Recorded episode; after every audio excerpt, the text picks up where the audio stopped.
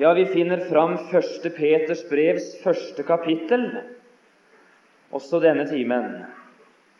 Og Overskriften for bibeltimen vår i formiddag det er 'Håpet og trengslene'. Og Jeg får bare si det stille og enkelt at er her noe jeg syns er vanskelig å tale om, så er det det som har med trengsler, prøvelser og motgang å gjøre. Det har jeg erfart veldig lite av sjøl. En har smakt et og annet. Men å tale om det slik den prøvede sjel har erfart det, det er jeg ikke i stand til.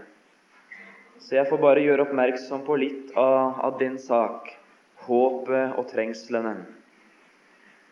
Vi vil lese ifra det sjette verset til og med vers ni her i 1. Peter 1.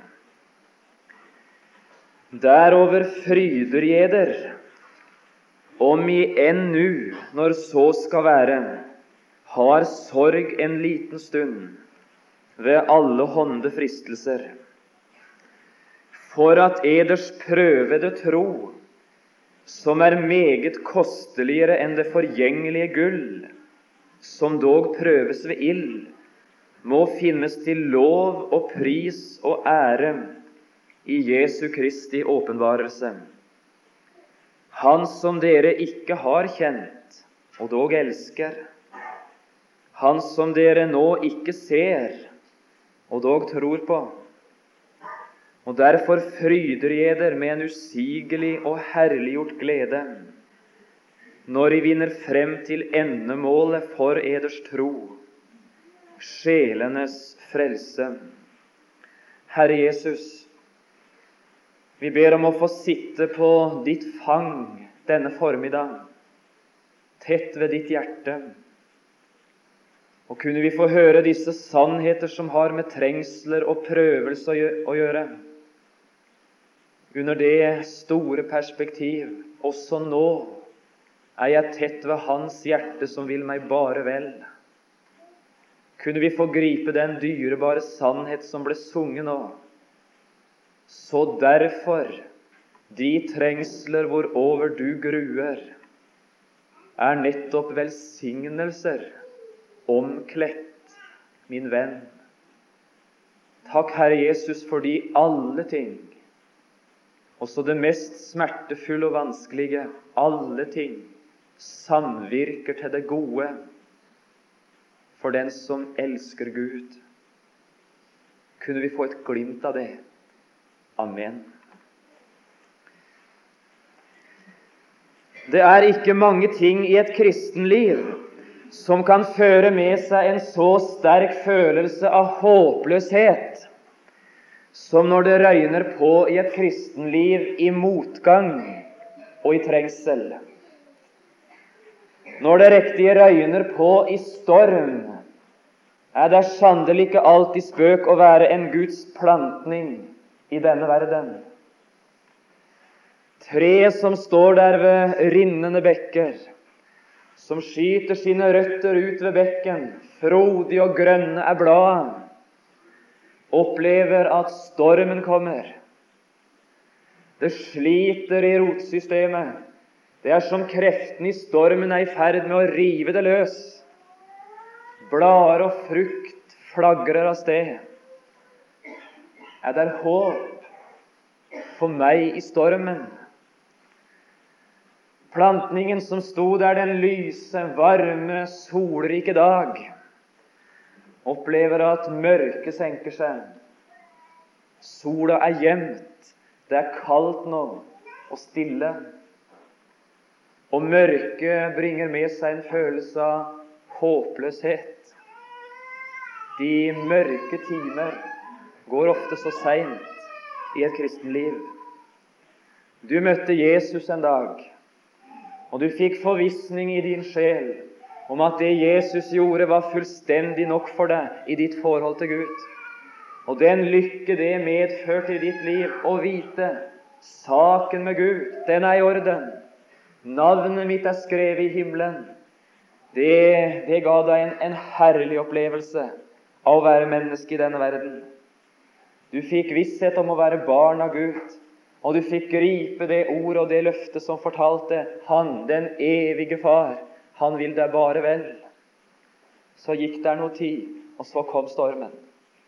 Så kom trengslene, så kom prøvelsene. Og så var det som det sleit i sjølve det du var grunnfesta i, troen på den gode Gud.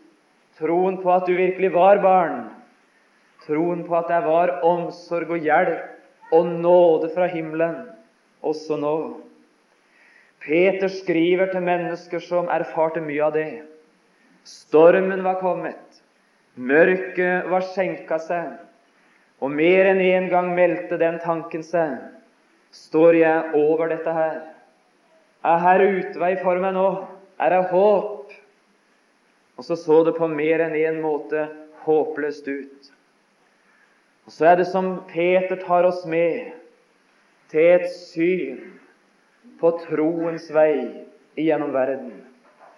Og Så er det som han sier, å være et Guds barn, det er å vandre troens vei igjennom verden. Nå må du aldri glemme hva troens vei innebærer. Du husker hvordan det startet. Her er brukt et uttrykk eller to i vers 8. Han som dere ikke har kjent, og dog elsker. Der kom et øyeblikk da det var noen som gjorde deg kjent med Jesus. De gjorde deg kjent med Han som du før ikke kjente. Ved Skriftens ord og ved Åndens åpenbaring fikk du se et glimt av hvem Jesus var. Og det du fikk se av Hans kjærlighet, der Han ofret alt for at du skulle bli Hans, der tente det en, en gjenkjærlighet i ditt sinn. Han som du ikke har kjent, men fordi du gjorde deg kjent med han og ble kjent med han, så begynte du å elske han. Du ga han ditt hjerte og din kjærlighet. Han som du nå ikke ser, og dog tror på. Det ordet du hørte, det synet du så, det innga tillit i din sjel til Jesus. Han var tillitvekkende på en forunderlig måte. Så fattet du tillit til det han hadde gjort. Du kom til tro på Jesus. Det var der det begynte. Og så har du vandra noen skritt, og så skal du være i verden ei tid, fram til det som er endemålet for troen. Vers 9. Endemålet for eders tro, sjelenes frelse. Det er mellom de to ytterpunkter, fra det første øyeblikk da du kom til tro på Jesus, til det øyeblikket at målet er nådd, og sjelen den er evig frelst og berga hjem. Det er imellom de to ytterpunkt vi nå beveger oss underveis. Og underveis så erfarer vi vers 7 den prøvede tro. Den prøvede tro. Ser du den vei igjennom verden? Her er ingen av oss som er fritatt den. Veistykket fra vi kom til tro på Jesus, til vi er evig frelst hjemme, det innebærer for hver sjel troens prøvelser i verden. Dermed er vi inne på et forhold som bryter fullstendig med vår tid. Både med den tidsånd og den innstilling som prega folk i 1983, og samtidig det vi hører i store deler av kristne sammenhenger. For vi hører i vår nytelsessjuke tid helt andre ting nå for tida også fra prekestoler.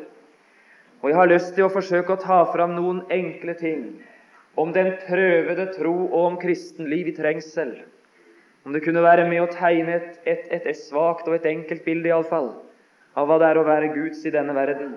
Det skal først være litt om selve kristenlivet i sin helhet. Så litt om den prøvede tro, hva virkning den kan ha i et kristenliv. Og Så har jeg lyst, om det blir anledning til å si noen få ord om sykdommen til slutt. Om det kan eh, bli anledning til å ti. Litt om kristenlivet i sin helhet først. Vår tid, som nevnt, det er ei forferdelig nytelsessjuk tid. Har du lagt merke til det? Hele folkementaliteten, hele folkeinnstillingen, både omkring oss og i vår nære krets, det går liksom ut alt på det å nyte. Har du lagt merke til det? Vår tid det er ei tid der mennesket er opptatt med det å få det godt. Å ha det godt, jo, det er å ha det lett. En skal ha det problemfritt. En skal helst unngå forpliktelser i livet. En vil helst ikke ha ansvar. En vil helst leve i medgang. En skal være lykkelig. En skal ha mening med livet. En vil helst unna alt som heter savn og sorg og smerte. Det å være menneske er for vår tid, hvis menneskelivet lykkes, å oppleve enkel medgang og lykke og trivsel og godhet hele veien. Og alt som bryter med det å leve lett og godt på den måten, det er av det onde. Det er vår tid i en sum. Alt går ut på å nyte. Det å yte, for ikke snakke om det å lide, det passer ikke inn. Og har du lagt merke til og i uhyggelig grad den innstillingen har farga Guds folk. Har du det? Ifra prekestoler faller predikanten på fristelsene til å si Kom til Jesus, så blir alt godt. Her venter lykke og godhet ifra første skritt til veis ende. Kom til Jesus, sier vi til ungdommene våre. Her løses problemene. Her er en å gå til med vanskelighetene. Her kan du få hjertefred. Her kan du bli glad. Her kan du oppleve harmoni og trygghet. Her opplever du hvordan flokene løses. Her får du mål for livet. Og så slår vi hele tida på de strenger som det går ut på her skal du nyte. Her skal du få nyte. Og så kommer det ensidige innbydelser til Han. Og så innbys en nesten til et glansbildeliv hos Jesus. Og så er vi i ferd med å drive bort ifra Skriftens bilde. Det er veldig betegnende det som lederen i verdens største kirke sier, Yonggi Cho. Gud vil suksess. Det er hans budskap. Gud vil suksess. Altså, han vil på alle måter at det skal lykkes til suksess og medgang og godhet og lykke og trygghet på alle livsområder. Det gjelder helsemessig, det gjelder økonomisk, det gjelder familiemessig, det gjelder hele spekteret. Gud vil suksess. Og har du det bare rett med Gud, så er det suksess og medgang hele veien. Ja, jeg har lyst til å si jeg har aldri lært Herren å kjenne således. Og jeg hadde nesten hatt lyst til å si hadde jeg møtt Han slik i Skriften, så ville jeg talt om Han mye mer sånn enn jeg har frimodighet å gjøre. Nå skal ingen misforstå det jeg sier. Du, Her er en rikdom, her er, her er godhet og nyt hos Gud som ikke fins noe annet sted. Men unyansert å tale på den måten jeg har skildra nå, det skurrer. Ikke bare med det lille tekstavsnittet vi har lest, men det skurrer med et samla bibelsk vitnesbyrd, og det skurrer med din erfaring. Det er derfor du ofte føler det håpløst. Det er derfor du ser inn i deg sjøl og anklager deg sjøl for du opplever ikke glansbildet. Du opplever at i ditt liv er det ikke blott sol og medgang og medvind. Det er av og til motvind, og det er storm. Du, jeg har lyst til å si håp og trengsler, de er satt sammen i Guds ord. Vær tålmodig i trengselen. Vær glade i håpet. Dette klinger sammen. Hva er kristenliv? Hva er menneskeliv i lys av Guds ord? Jeg fikk for noen år siden ei bok i hende, skrevet av Øyvind Andersen. Den boka heter 'I sjelesorg hos Jesus'. Den boka har jeg lyst til å anbefale, om ikke annet så for å gjøre deg kjent med Salme 73 i den boka. Der åpnes det et perspektiv som jeg bare har lyst til å berøre så vidt, og som du gjerne kan få fatt i den boka og lese noe mer av når du, når du får den. Men der spør Øyvind Andersen på følgende måte hva for et menneskeliv er vellykka? Hva er egentlig medgang? Hva er lykke? Hva er framgang i et menneskeliv? Hva for et menneske kan vi si om det? Han lever et vellykka liv. Han lever i medgang. Livet lykkes for han. Da må vi spørre, skriver Øyvind Andersen, hva et menneske virkelig har. Hva for ting et menneske kan si om 'dette er mitt'? Og Så spør vi hverandre her nå hva har egentlig vi som mennesker å regne med? Hva har vi som er vårt? Hva har vi liksom som ingen kan ta fra oss? Våre venner de har vi ikke. Vi har de noen år. Men de blir borte fra oss, den ene etter den andre. Både fordi vi er underlagt forgjengelighet, og fordi venner kan svikte. Pengene våre de har vi sannelig ikke. De raser kjempefort av gårde. Kreftene våre har vi egentlig heller ikke. De har vi ei stund, men de svinner når åra, når åra går. Evner og muligheter har vi, men etter hvert så mista vi det òg. Anledningene, de forsvinner. Alt det som storparten av vårt liv går med til å være opptatt med, det er ting vi egentlig ikke har. Det er ting vi bare har ei tid på lån. Og så forenkler Øyvind Andersen, og det var dit jeg ville, menneskelivet til dette. Et menneske har bare to ting. Han har evigheten. Det har han. Hva enten han er en troende eller han er en ufrelst sjel. Evigheten, det har du, og det skal ingen ta ifra deg. Du har evigheten, og så har du øyeblikket nå. Nathan Söderblom fra Sverige ga ut ei bok en gang med den tittelen 'Evigheten og øyeblikket'. Det er hva et menneske har. I det perspektiv stiller vi spørsmålet en gang til. Hva for et menneskeliv er nå vellykka? Hva er medgang i et menneskeliv? Og nå skal du høre. Medgang i et menneskeliv, det er alt som i øyeblikket nå er med og hjelper deg fram til det evige mål, til den evige tanke som Herren hadde med ditt liv. Det er medgang. Alt som tilskynder og hjelper og drar i retning av det mål Herren har for et menneske, alt det er medgang. Det liv er vellykket der Herren i øyeblikket får påføre oss påvirkning som fører oss i den retningen, det han hadde tenkt. Når det i Salme 1 står 'Alt han gjør, skal han ha lykke til', så betyr ikke det at et menneske opplever bare lykke i den forstand at han bare nyter og har det godt. Men det betyr at et menneske som er rotfesta i Guds ord, som har brutt med verden, og som har sin lyst i Gud, som er overgitt Han, han skal oppleve den påvirkning at alle ting samvirker i denne retning. Han skal nå det mål som Herren har med hans liv.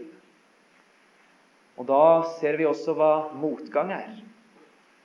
Motgang, det er alt som i øyeblikket, i livet, i dag, hindrer meg fra å nå det mål. Er friksjon, trekker ned der Gud trekker opp. Det er alt som ligger som steiner i veien som gjør det vanskeligere for meg å nå målet som Han har satt for mitt liv, Herren.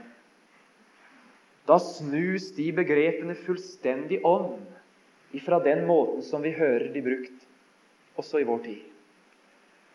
Salme 73, det er beretningen om en mann som holdt på å få forkludra de begrepa. Her står om Asaf at han begynte å gå baklengs til himmelen. Han mista synet for den evige verden ei tid, og så gikk han noen skritt baklengs. Og Så begynte han å se bak seg og omkring seg og på de ugudelige. Og så så han det gikk de ugudelige vel, han. Han så altså at de på veldig mange vis i livet fikk livet til å lykkes. De hadde mega. de hadde ikke verre problem de enn de troende. Det kunne faktisk se ut som de troende hadde mer å slite med etter tider. Og så så han hvordan livet var lett og greit og enkelt for mange av de, slik han så det sånn iallfall utafra sett. Og så spør han seg sjøl kan det betale seg det å tro på Gud. Kan det lønne seg, det? Er det, no, er det noe inntekt i det? Og Så vokser der opp altså en form for bitterhet, siden jeg var, jeg var som et dyr imot det. Det var akkurat som han, han var i ferd med å miste tak. Han ble blenda av hva verden var. Og så begynte det å klinge som medgang for han, det de opplevde. Mens han, han opplevde motgang og problem og vanskeligheter og trengsel på mer enn én måte. Og så sier han 'inntil', sier. Jeg holdt på å gå helt galt for meg. Jeg holdt på å gå i grøfta inntil jeg gikk inn i Guds helligdom og ga akt på deres endelikt. Da jeg endelig, sier Asaf, fikk se det hele i evighetsperspektiv. Da jeg igjen fikk se den store sammenhengen, så kom det forandring. Jeg så min uforstand. Jeg så hvor uviselig jeg hadde tenkt. Jeg ga akt på deres endelikt og hjelper dem de nyter. Og hjelper dem de gleder seg noe kort. Og hjelper dem de har framgang og vellykkethet på forskjellige vis. Når det er en slik utgang vi er på vei mot de ugudelige. Det går jo galt. Og gjør det om det skal koste litt. Og gjør det om du opplever motgang og trengsel og vanskelighet. Når det likevel er himmelveien du er på. Og hjelper det om det er oppoverbakke. Og gjør det når det er oppover det går. Og hjelper det om skrittet, eller gjør det om skrittet er tungt. Når det er framover det går. Jeg har så lyst til å blankpusse de der begrepene. Medgang, lykke, et vellykka menneskeliv, et vellykket kristenliv. Det er det liv der den evige Gud på alle vis han selv ønsker, får påvirke oss, dra oss i retning av det evige mål han har for vårt liv. Motgang, mislykkethet, ulykke, det er alt om de i øyeblikk enda kan nytes og gledes over. Det er alt som hindrer oss i å nå det målet. Det må du ha tak i, for det er sjølve hovedsaken og hovedtanken i det som har med synet på trengsler å gjøre. Herren førte ofte sine inn i trengsler så fikk de ikke rope sitt høye halleluja i øyeblikket. Ja, her var noen som aldri kunne rope halleluja hele sitt liv i denne verden. Men Herren hadde sett noe lenger. Vil se i det sjuende verset hvor langt fram han tenker? Eders prøvede tro sin, som er meget kosteligere enn det forgjengelige gull som dog prøves vil, den må finnes til lov og pris og ære i Jesu Kristi åpenbarelse. Alt han påførte sine i denne verden, var med tanke på den åpenbarelse, det evige mål, den dagen Jesus henta oss og vi er hjemme. Det er noe som er mer verdifullt enn å oppleve et salig halleluja i denne verden. Det er å nå det evige halleluja i herligheten. Og så sendte han oss av og til inn i trengsel. Et kristen liv består ikke i å leve lett, men å leve rett. Og den som lever rett, han lever ikke alltid lett. Av og til er det tvert imot. Peter skriver litt om det. Kunne vi bare ta fram en to-tre avsnitt i første Peters brev for å, for å streke under akkurat denne sida ved kristenlivet? Vi bare leser det, for det er for langt å kommentere for mye. Andre, unnskyld, første Peter 2, 19 og 20. For dette finner nåde om noen av samvittighet for Gud finner seg i sorger når han lider urettferdig. For hva ros er det om dere er tålmodige når dere synder, og får straff for det? Men om dere er tålmodige når dere gjør det gode, og allikevel må lide, da finner dette nåde hos Gud. Hvis du ser i kapittel 3 og vers 14 Men om dere enn skulle lide for rettferdighets skyld, er dere salige.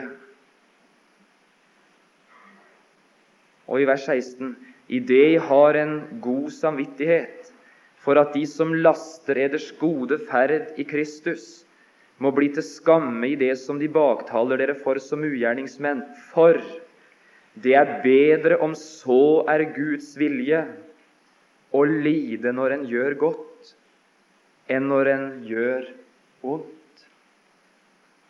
Og endelig litt i kapittel 4, vers 12. Dere elskede du, det er, de, det er de elskede Herren taler til om disse ting. De han er glad i, de han setter pris på. Dere elskede, undre eder ikke over den ild som kommer over dere til prøvelse, som om det hendte dere noe underlig.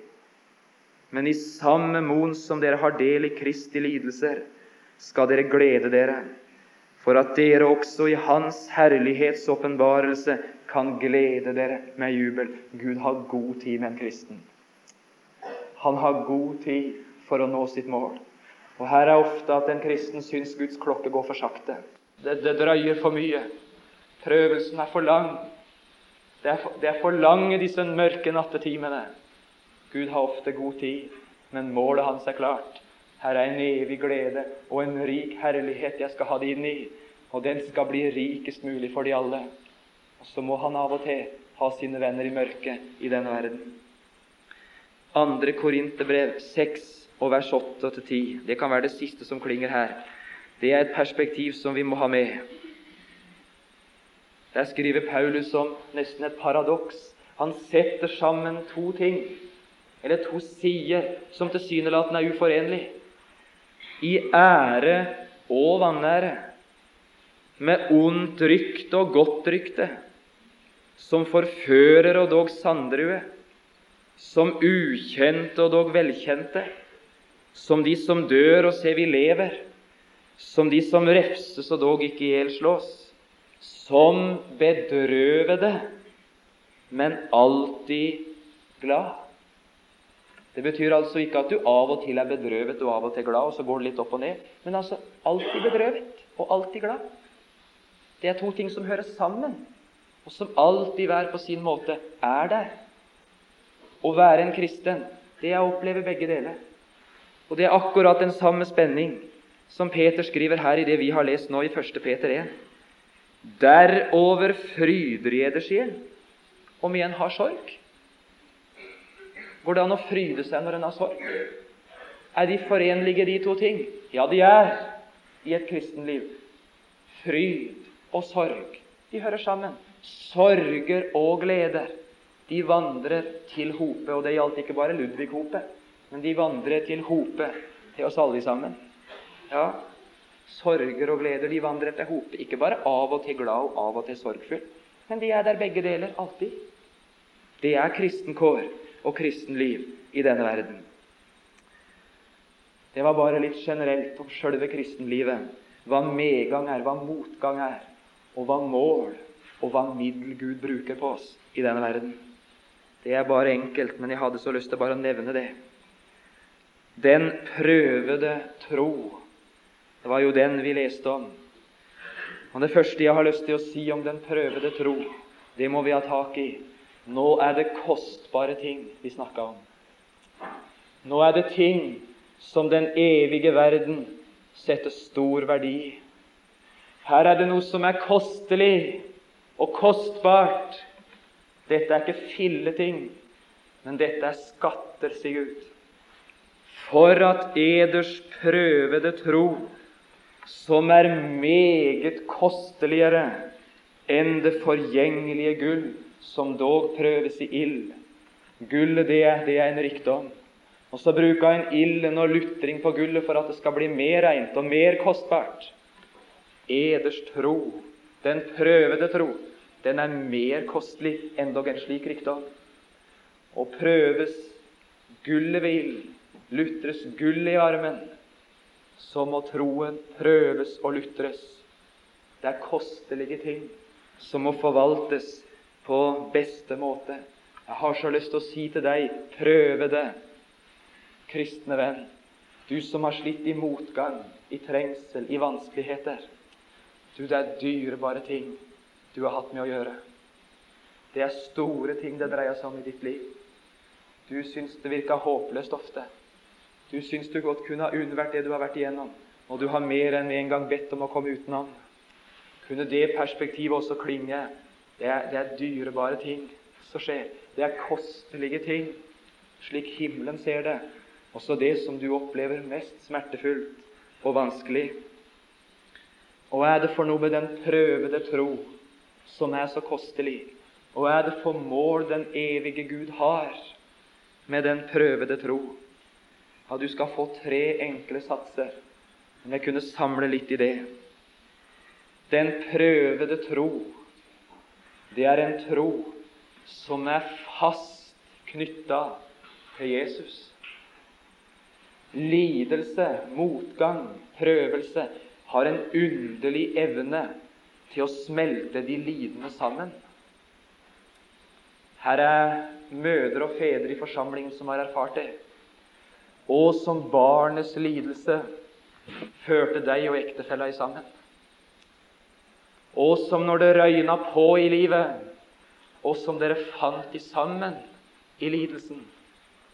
Det er sannelig ikke godt å, å, å, vite når en føler det sterkeste samfunn med den en er glad i, om det er når en gleder seg og fryder seg sammen og opplever lykken i sammen, eller det er når en lir i sammen, gråter i sammen og har det vondt.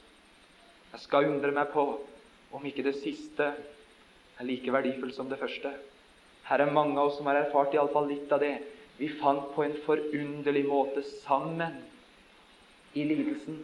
Den smelta oss i sammen, og den medførte bånd som var enda sterkere enn de før hadde vært. Markus 4, i slutten av det kapitlet, der leser vi om en underlig båttur. Jesus hadde bedt sine venner å gå i båten, og så hadde de på hans eget ord gått i båten og satt over til den andre side av sjøen. Og så kom stormen. Det hadde de aldri tenkt. At de i samfunn med Jesus at de på Hans ord og i lydighet mot Hans anvisning skulle havne i et sånt forferdelig uvær, hadde de aldri drømt om. Og tilsynelatende, det var det verste, så var Jesus taus. Han brydde seg ikke, og var tilsynelatende ikke engang engasjert av det som skjedde. Og så kommer her noen i fortvilelse, i håpløshet til Jesus. Du kan lese helt til slutten av Markus 4. Mester, Bryr du deg ikke om at vi går under? Bryr du deg ikke om oss lenger, Jesus? Hva er det som har skjedd nå, vi som har hørt og kjent og trodd din omsorg og kjærlighet? Bryr du deg ikke om at vi går under? Brydde han seg? Og det kan du stole på han gjorde. Men når han sendte de i stormen den dagen, så var det et mål han hadde. Der han har åpenbart sin herlighet i stormen der han har vist seg som den han er, midt i stormen, så klinger der i forferdelse, i undring, nesten i vantro. Hva er dette for en? Hva er dette for en som både vinden og sjøen lyder? De hadde sett Jesus mer enn én en gang. Bildet av han, det var stort og rikt for dem. Men det var som det var kommet en ny dimensjon i bildet av Kristus. De hadde sett noe i stormen skjønner du, som de aldri så ellers. De hadde møtt noe i trengselen og i motgangen som gjorde de så han på en enda større måte enn det han nå var. Salme 46 og vers 2, det er ordet nettopp for denne saken. Salme 46 og vers 2. Gud er vår tilflukt og vår styrke en hjelp i trengsler, funnet såre stor. Og hva er det som førte salmisten til det vitnesbyrdet Gud er min tilflukt og min styrke? Du, han hadde vært i trengselen. Og det møtet og den opplevelsen han hadde hatt av Herren i trengselen, det hadde gjort at han hadde funnet fram, gjort erfaring av det som han nå vitna om.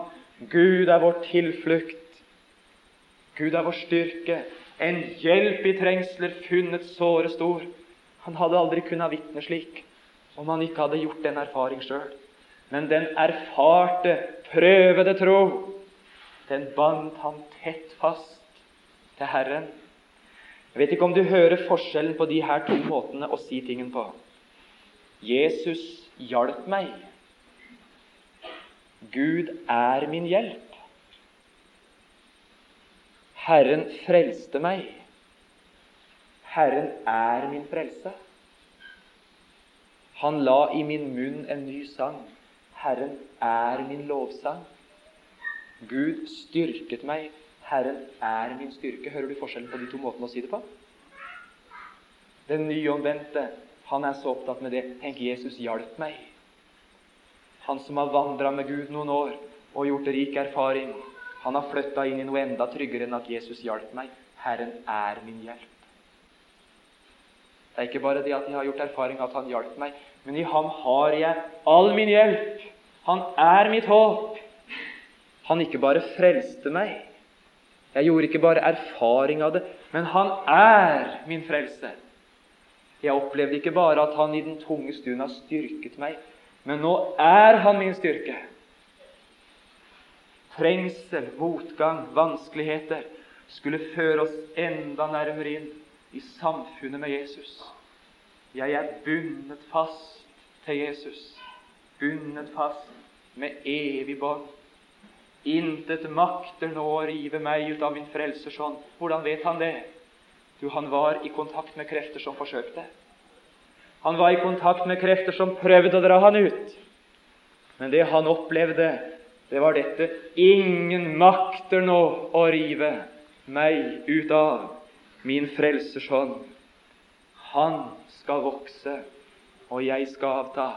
Og så er avhengigheten av Jesus, av Herrens hånd, av Herrens frelse, av Herrens hjelp, den er større og større og større som åra går. Aldri er du så hjelpeløs og avhengig av Han som den dagen du skal ut av denne verden. Og så ga Han deg opplevelser av seg i denne verden som gjorde at du også det øyeblikket skal få hvile i Gud. Kan du få tak i det perspektivet over trengsel og motgang. Kanskje var det også av denne grunn jeg skulle gjennom det alt. Det var fordi jeg skulle få se Han enda større. Jeg kan ikke si så mye om det. Jeg har, én erfaring av det bare. Men jeg tror vi kan si det litt hjemme, iallfall med rette. Vi ville aldri vært den tid foruten da vi opplevde vårt hjems store sorg. Ikke fordi vi ikke har savna og hatt det vondt mer enn én en gang med tanke på han vi mista. Men det var noe i den tid som smelta oss i sammen. Her ble et lidelsens samfunn som gjorde Jesus enda mer umistelig for oss. Du, det er velsigna når her er troende som kan si det. Det var så vanskelig. Det var så beinhardt for oss. Vi visste ikke hvordan vi skulle stå i over. Men når vi ser tilbake på den tunge tida, det er som vi ikke ville være den foruten. Der lå en rikdom. De hadde, de hadde møtt Herrens storhet i trengselen. Det må klinge, det. Gud vil ikke bare suksess, men han vil binde oss tett til seg. Det andre som jeg har lyst til å streke under den prøvede tro, det er dette. Det fører en, en uendelig rikdom, en uendelig livsrikdom, inn i kristenlivet. Det å gå trengselens og prøvelsens vei. Vil du være med meg tilbake i Esaias 45? Det er i grunnen det fine store jeg vet akkurat i den sida. Altså for å føre oss inn i rikdom i livet, så bruker Herren ofte trengselens og prøvelsens og motgangens vei. Esaias 45. Jeg vil gå frem, det er vers 2. Jeg vil gå frem foran deg. Det er godt å høre for den som ingen vei ser, for den sjel som ikke øyner utvei. Jeg vil gå frem foran deg. Bakker vil jeg jevne. Av og til er ditt liv slik. Det reiser seg uimotståelige vanskeligheter foran deg. Det er som det tårner seg opp. Det er uoverstigelig, det som er reist foran deg. Og du spør åssen i all verden skal jeg komme over det så jeg nå er i kontakt med?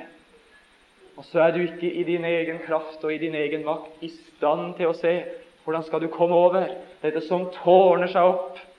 Og så sa jo endog Jesus at hadde du tro som et sennepskorn, så skulle du kunne si til fjellet, kast deg opp og i havet med deg. Men fjellet er der, truende, uoverstigelig høyt. Du er som altså maktesløs du bakker, vil jeg jevne. Det uoverstigelige, det er ikke uoverstigelig for ham. Det som tårner seg opp foran deg, det er kjent av han, og han forserer det. Bakker vil jeg jevne, dører av kobber vil jeg sprenge, det ugjennomtrengelige. Av og til så er en låst og lukka inn i noe en spør åssen skal jeg komme meg ut av det her. Åssen i all verden skal jeg finne utvei nå? Det er stengt på alle måter. Du har prøvd alle utveier, men det er bare stengt. Du, det ugjennomtrengelige, det er ikke ugjennomtrengelig for Han. Dører av kobber vil jeg sprenge, og bommer av jern vil jeg sønderhugge. Og hør nå Hvorfor satte han deg inn i det uoverstigelige? Hvorfor førte han deg inn i det ugjennomtrengelige? Hvorfor satte han deg så fast? Og hva er meningen hans? Vil du se nå i vers 3? Jeg vil gi deg skatter som er skjult i mørket. Det er ikke vanskeligheter med de skatter som ligger for dagen og i lyset. De ser vi jo. Og fordi vi ser de, så skjønner vi verdien av de. Det er verre med de skatter som er i mørket. De ser vi nemlig ikke. Og fordi vi ikke har øye på de, så er det så vanskelig å tro at her er, her er rikdom i dette. At utgangen av dette kan bli god og rik. Du, jeg vil gi deg skatter som er skjult i mørket, og rikdommer som er gjemt på lønnlige steder. Du hadde aldri funnet de rikdommene og den skatten fordi den er gjemt en bestemt plass. Du, han som har ført deg inn i vanskelighetene, han ville vise deg vei inn i de skjulte skatter og rikdommer. Men for å få deg inn, så måtte han føre deg den eneste farbare vei. Og veien gikk gjennom det å miste alt. For det er ved å miste seg selv at en finner seg selv. Det er ved å tape alt at en finner alt. Det er ved å avdø fra seg selv at en finner tak i det nye livet. Kan du se det? Her er en vei til rikdom som bare går gjennom trengsel. Og går du ikke trengselens vei, finner du aldri den rikdom. Det er et underlig perspektiv over et kristenliv. Aldri har noen erfart det som den Herre Jesus. Og som det reiste seg uimotståelige ting for ham, uoverstigelige høyder og som de stengte han inn, og det var låst på alle måter. Ingen har gått trengselens og smertens vei gjennom verden som han, men det var trengselens vei som førte til herlighet. Det var korsets vei som førte til kronen. Og Så kalte han, og så sa han, 'Følg meg. Følg meg.' En gjorde den erfaring. Løftene holdt. Gud sto for det han hadde lovt. Det nyttet. Og så vil det Oi, nå skal det klinge til slutt. Den prøvede tro, det å havne i trengsel og i motgang, det er av og til noe Herren sender en kristen inn i på grunn av de andre. På grunn av de andre.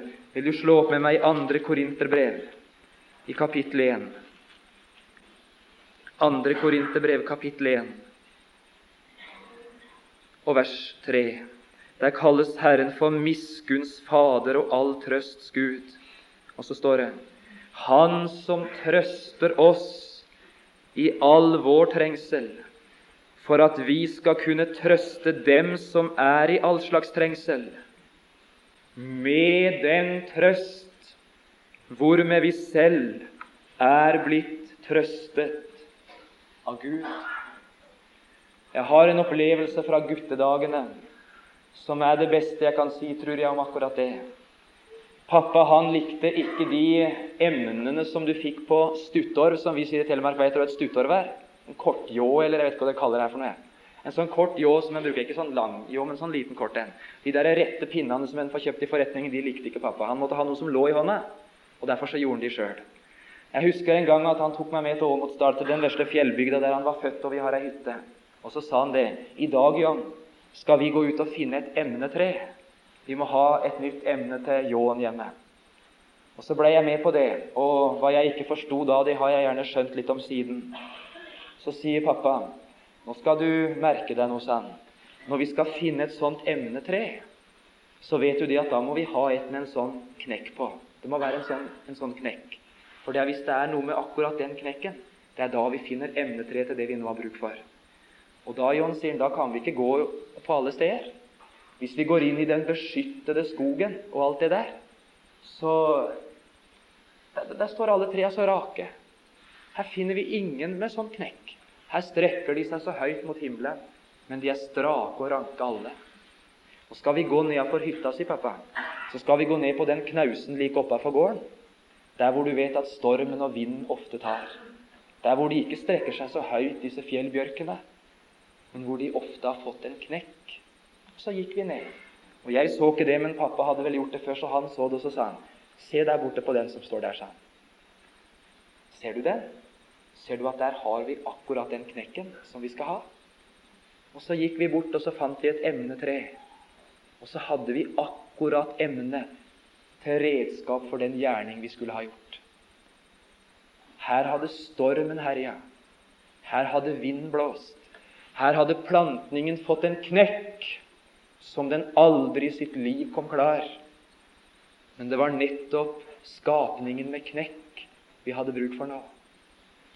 Du, her er noen i Guds skog i denne verden. De strekker seg så snorrett og høyt mot himmelen. Når vi ser opp til disse ranke, høyreiste kristne, så beundrer vi de og tenker Å, om jeg kunne ha vært som han. Å, om jeg kunne ha nådd så høyt. Tenk om jeg kunne gått klar av alt det jeg måtte igjennom. Om jeg kunne vært fri. Du fikk nemlig din plass på en knause mye lenger ned. Og stormen og vinden og motgangen herja i ditt liv som dette treet aldri hadde erfart. Du nådde aldri så høyt opp mot himmelen.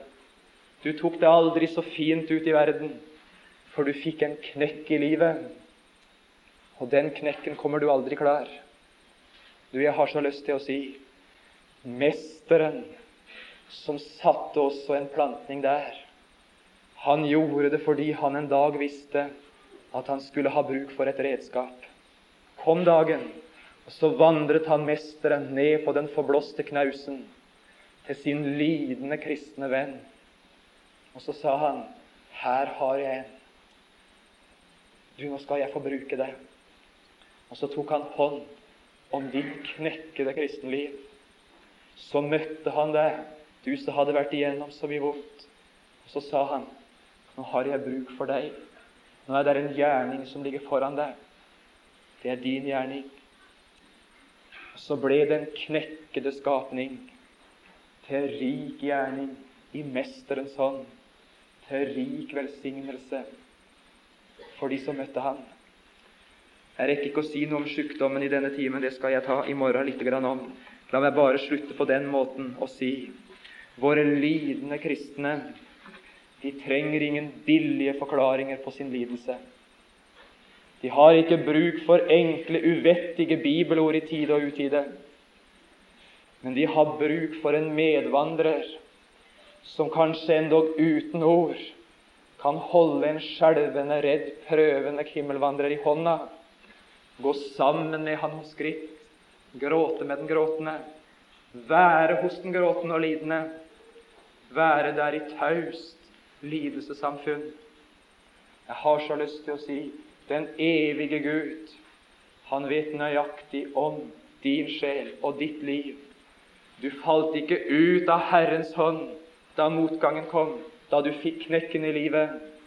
Jeg er i Herrens hender i alt som med meg skjer, i smil, i gråt. Jeg kjenner at Herren er meg nær. Herre Jesus, det er lett for oss å takke for det gode.